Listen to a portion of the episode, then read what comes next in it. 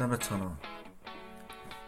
Өнөөдөр би энэ сэтгэлгээний гажуудал гэд маш чухал ойлголтын талаар та бүгдтэй ярих гэж байна. Тэгээд энд бас өөрийнхөө нээж гаргасан шин сэтгэлгээний гажуудал магадлалыг тэглэх синдром гэж миний хүснэр байгаа. Эний тухай та бүгдтэй хуваалцсан. Энэ бол хүүхдийн сэтгэлгээнд танин мэдхүн сэтгэл зүй талаас бол маш чухал ойлголт байгаа.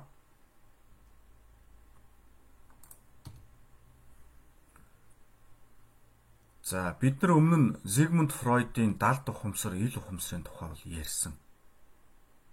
А хүний одоо энэ ухамсар сэтгэл зүйн дийлэх хэсэг нь бол далд ухамсарт явж идэг юм байна. А бидний одоо энэ э, мэдрэмжинд орж ирж байгаа бид өөрсдийгөө мөн гэж таниад байгаа энэ ил ухамсарт энэ сэтгэн бодох үйл ажиллагаа бол яг үнэн хэрэгтээ бидний сэтгэл зүйн багахан хувь байна гэдгийг одоо өмнө нь бол ярьсан. Зүгээр хамгийн энгийн жишээ авахад англи хэл сурах юм бол одоо бидний ажил мэргэжил одоо юу гэдгийг танин мэдхүүд хэрэгтэй гэдгийг хүн болгон хүлээн зөвшөөрдөг мөртлөө тэ одоо ил ухамсараар бол ойлгоод байна шүү дээ тэ. Гэхдээ хизээч англи хэл сурдаг. Ягаад тэгэхээр далд ухамсарт нь байхan юм байна. Өөртөө ихтгэлгүй байдал байна. Өөрийгөө хянах чадвар алга байна. Залхуурал байна За одоо өөрийгөө дайчлах чадвар далд хумсарт ногт алга байна те. Ингээд энэ далд хумсрын юмнуудыг бол бид нар маш их ярьж байгаа шүү дээ. Сэтгэл зүйн ухаан бол ер нь далд хумсрыг маш их хамардаг. За далд хумсарт байгаад байгаа энэ одоо сэтгэл зүйн буруу төлөвшлүүдийг ил ухамсарт гаргаж ирж танин мэдэх асуудлыг бол танин мэдхүн сэтгэл зүй гэж байгаа. Ингээд Зигмунд Фройд анх тодорхойлсон а нэг хэсэг бол уналтанд орсон. Тэгээ сүүлийн үед бол орчин үед бол үнэхээр тийм юм байна гэдгийг бол гаргаж ирж байгаа. За энгийн үгээр хэлэх юм бол далд ухамсар гэдэг бол илүүтэй байгалийн зүн амтны ухамсар маягийн юм байгаад байгаа. А ил ухамсар бол бидний эрүүл саруулаар сэтгэн бодож байгаа энэ үйл ажиллагаа. Ингээд энэ ил ухамсар далд ухамсарын байгалийн зүн сэтгэн бодох үйл ажиллагаа хоёрын зөрчилдөөн байнг үүсэж идэг. Энэ зөрчилдөөнөөс сэтгэлгээний гажуудал үүсдэг юм аа. Энэ сэтгэлгээний гажуудал бол нийтдээ 100 гаруй гажуудлыг бол орчин үеийн сэтгэл зүйчнэр одоо олж илрүүлээд байна. Тэгэхээр бидний шийдвэр гаргалтанд ялангуяа сөргөөр нөлөөлдөг 100 гаруй гажуудал байна гэж тогтоогод байна. За энэ гажуудлуудыг бид нар бүгдийг нь таньж мэдэх ёстой. Энэ гажуудлуудыг бид нар хүүхэдтэй бүр багаас нь ойлгуулах ёстой. Ингэснээр яах нь вэ? Тэр далд ухамсараас ирж байгаа буруу зүйлсийг ил ухамсараараа зөв таньж мэдэж засах залруулах. За эргээд далд ухамсартаа зөв одоо тэр төлөвшил сэтгэл зүг суулгах ийм процесс бол эхлэх юм аа. За энэ тал дээр би одоо гажуудал тус үрээр бүр дэлгэрэнгүй бол цаашаа явна. А өнөөдөр би нэг гажуудлын тухай ялангуяа таны одоо хүүхдэд төлөвшүүлж хөгжүүлэх мундаг хүн болоход яг хэрэгтэй одоо нэг гажуудлын тухай ярих гэдэг. За тэрнээс өмнө би одоо зарим 100-аад гажуудлаасаа зарим жишээг авч ярина. За нэгдүгээр жишээ бол хуурмаг хамаарл гэж. Огт хоорондоо хамааралгүй хоёр үзэгдлийг хоорондоо хамааралтай зүйлээ гэж хүмүүс хүлээж авах ийм гажуудлыг ярьж байгаа юм. За энгийн жишээ хэлэх юм бол а хар арьстай хүмүүс бол тоондоо мууч гэдэг юм. Та нэг хар арьстай хүнтэй уулзчих л дээ. Гэтэл тэр нь тоондоо муу байж. Тэгэнгუთ та ямар дүгнэлт хийх вөхөр нэг хүнтэй уулзсан ш. Дэлхийн одоо баг тэрмэг гаруй хар арьстан байдаг юм уу та тий жишээ нь. Тэгэхэд та нэг хүнтэй уулзсан ш. Тэр хүн тоондоо муу байж. А үүнээс хойш та уулзсан бүх хар арьстай хүнээ тоондоо муу гэж дүгнэх нь байна. Жишээлбэл. За та нэг орс хүнтэй уулзжээ. Тэгтэл тэр орс хүн их сайн хүн байжээ. А нийтдээ орс улс чинь 130 сая иргэнтэй шүү дээ. Тэрнээс хойш та уулзсан орс хүн болгоныг сайн хүн гэж одоо байж таарна гэж дүгнэж байна. Энэ бол хуурмаг хамаарлаа. Эндээс энээс болж одоо маш их буруу шийдвэр гардаг ерөөсөө энэ бол маш хэцүү. За монголчуудад одоо зүгээр би эдийн засгч хүн учраас нэг инээдтэй жишээ хэлье. Монголын эдийн засгийн өсөлт уналтыг би одоо сүүлийн 20 гаруй жил одоо судлаад ажиллаад явж байгаа. Ингээд Монголын эдийн засгийн өсөлт уналт юунаас болдог вэ гэхээр зэсийн үн олон улсын зах дээр өссөн, буурсан. А хятадын нүүрсний эрэлт өссөн, буурсан, хятадууд нүүрс ихээр авсан.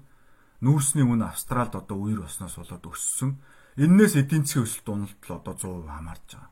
Одоо эдийн засгийнх нь хувьд шүү дээ. А гэтэл юу гэж одоо хэвлэл мэдээлэл дээр ярьдаг вөхөр Энэ ерөнхий сайд эдийн засгийг босголоо.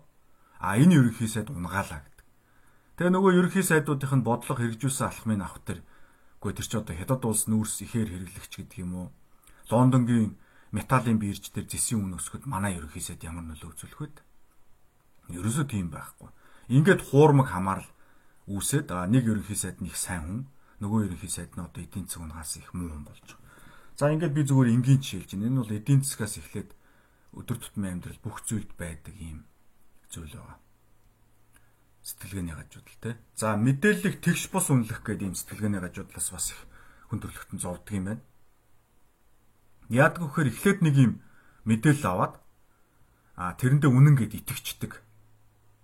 За түүнээс хойш шинээр гарч ирсэн мэдээлэл баримт болгоноосоо зөвхөн өмнөх итгэлийг батлах тэрийг нь л одоо авч үздэг.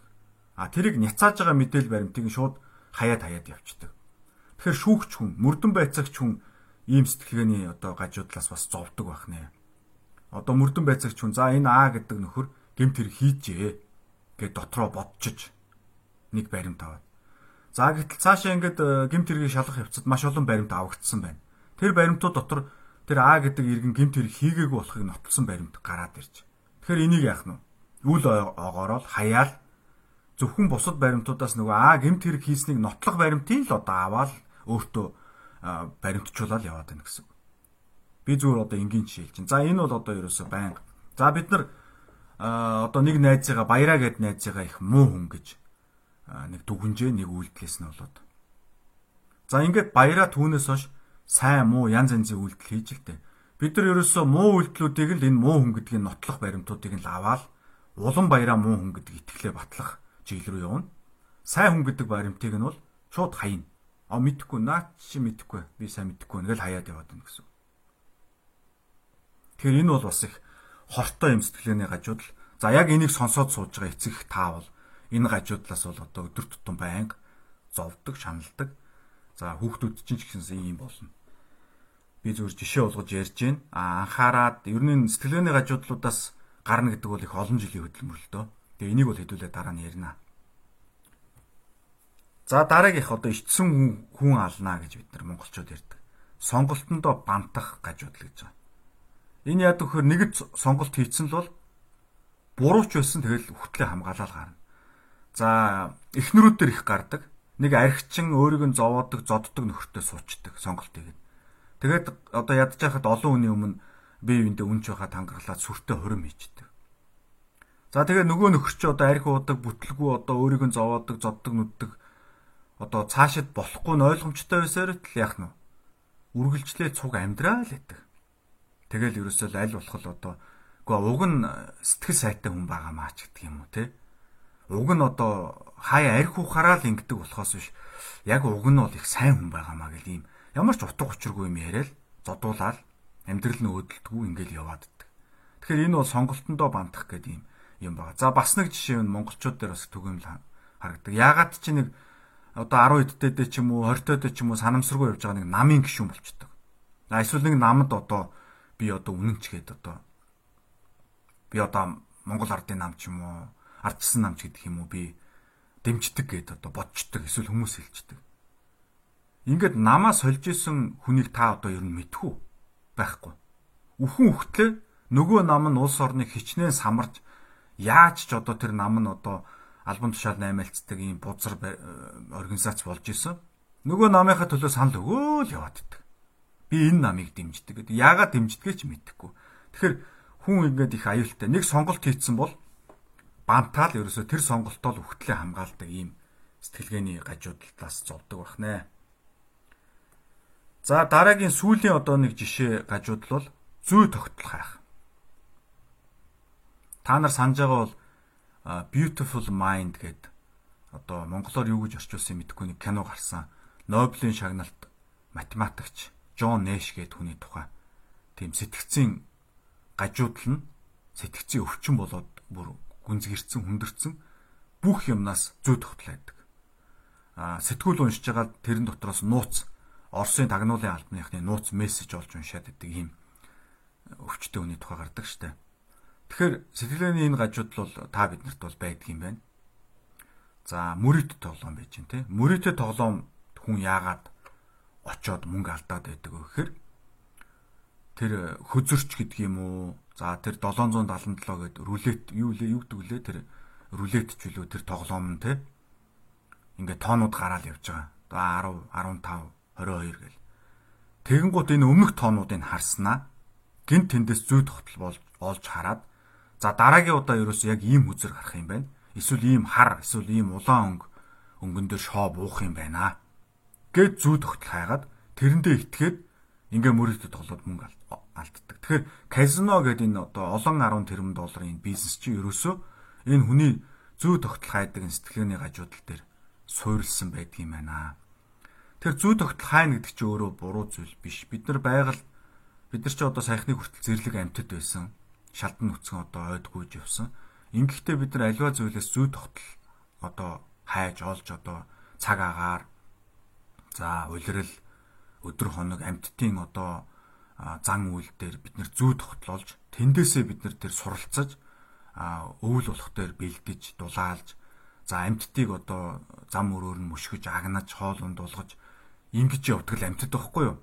А гэтэл нийгэм рүү гараад мөрөдөд тоглоом гэдэг чи одоо хизээч гарчсэн. Сүүлийн нэг нэг 2000 жил мөрөдөд тоглож байгаа юм ба тий энэ дээр нөгөө амьтан байхад нь хэрэгтэй байсан зөв сэтгэлгээ чинь гажууд л болоод ороод ирж Тэгэхээр энэ сэтгэлгээний гажуудал гэдэг юм бол заавал бол одоо бас э, буруу өнцгтэй байх албагүй. Зарим гажуудал бол яг үүндээ биднэрт хэрэгтэй зүйл бас байдаг.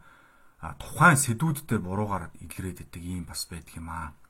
За энэ тухай одоо би та бүгдэд бүр сайхан дараа нь ярина. А өнөөдөр бол би энэ хүн төрөлхтний нээгээд байгаа 100 гаруй гажуудалд ган зөрөг гэдэг нэг Монгол нөхрийн нэмэрлж байгаа гажуудлыг миний өөрийн олж илрүүлсэн гажуудлыг би та бүгдтэй хуваалцах гэж байгаа. За энийг би яасан бэ гэхээр олон газар одоо янз янзын сэдвэр лекц уншиж явдаг. Тэгээ ингээд лекц уншиж явж байхдаа а 2 3 асуулт асуусан юм. За таны хүүхэд Нобелийн шагналтан болох боломж байна уу гэдээ одоо заалнаас асуусан. Тэгэхэд бол ингээд тэнд лекцэн сууж байгаа хүмүүс их тийм гайхсан анх удаа энийг сонссон байдалтай хүлээж аваад Тэгээд мөрөө авчирдаггүй одоо яаж Нобелийн шагналтан болох вэ? Тийм боломж байхгүй шүү дээ.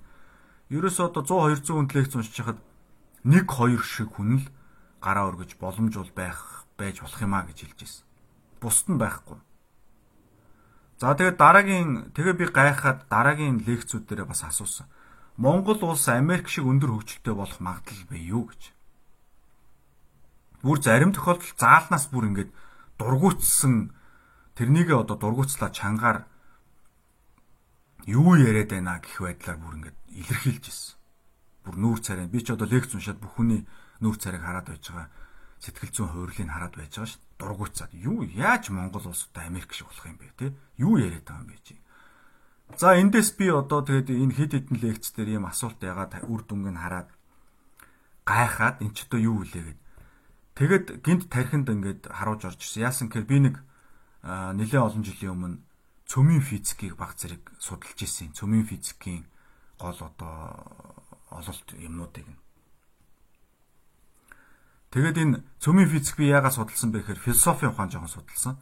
А яагаад философи судалсан бэ гэхээр ер нь би хий юм бэ? Орчлон ертөнц ямар утга учиртай юм бэ гэж хүн болгоны хайдаг асуултын хариултыг олохгүй л. Ингээд судалж байхдаа за бурхан байдаг юм уу байдгүй юм уу одоо энэ бүх асуултын хариултыг бол орчлон ертөнцийн суурь зүй тогтлоос хайх хэрэгтэй байна. Тэгээ тэрийг шинжилдэг ухаан бол цөмийн физик. Тэгэхээр бидний одоо эргэн тойронд байгаа бид нар өөрсдөө ч гэсэн бидний одоо биеийн бүтц бол аягтай адилхан шүү дээ. Чулуутай адилхан бүтцтэй. Энэ бол одоо атомоос тэгээ электроноос, протоноос, фотоноос бүрдэж байгаа ийм л бүтц шүү дээ. А бүтц нь илүү комплекс болохоор хүн болоод ингээ яриад сэтгэдэг болоод байгаа. А жоохон энгийн болох дээр аяг тавг болоод ингээл явж байгаа юм. Ингээд цөмийн физикийг ингээд судалж байхад тэндээс юу би уншиж ирсэн гэхээр энэ ертөнцид үйл явдал тохиолдох магадлал бол дандаа тэгээс их байдаг юм а гэж. Тэг гэдэг магадлал бол тэр квантум, квант механикт бол байдгүй юм байна л да. Тэгэхээр одоо үйл явдлын магадлал дандаа тэгээс их байдаг юм байна. Тэгэд би тэр лекцүүдийг уншиж яхад гинт тэр э, яагаад гэд гайхаж бодож жоод цөмийн физикийн өмнө уншилсан судалсан байсан юмтайгаа холбож бодоод өө ертөнцид тэг гэж магадлал байхгүй шүү дээ. А гэтэл тэг гэж магадлал байх боломжтой гэж төсөөлдөг тийм одоо ялзарсан газар ганц л байна л да энэ ертөнцид. Тэр бол хүний тарих юм байна гэж. Хүний тарихынд л аливаа магадлал тохиолдох одоо тэр аливаа зүйл тохиолдох магадлалыг тэг гэж төсөөлөд байна шүү дээ.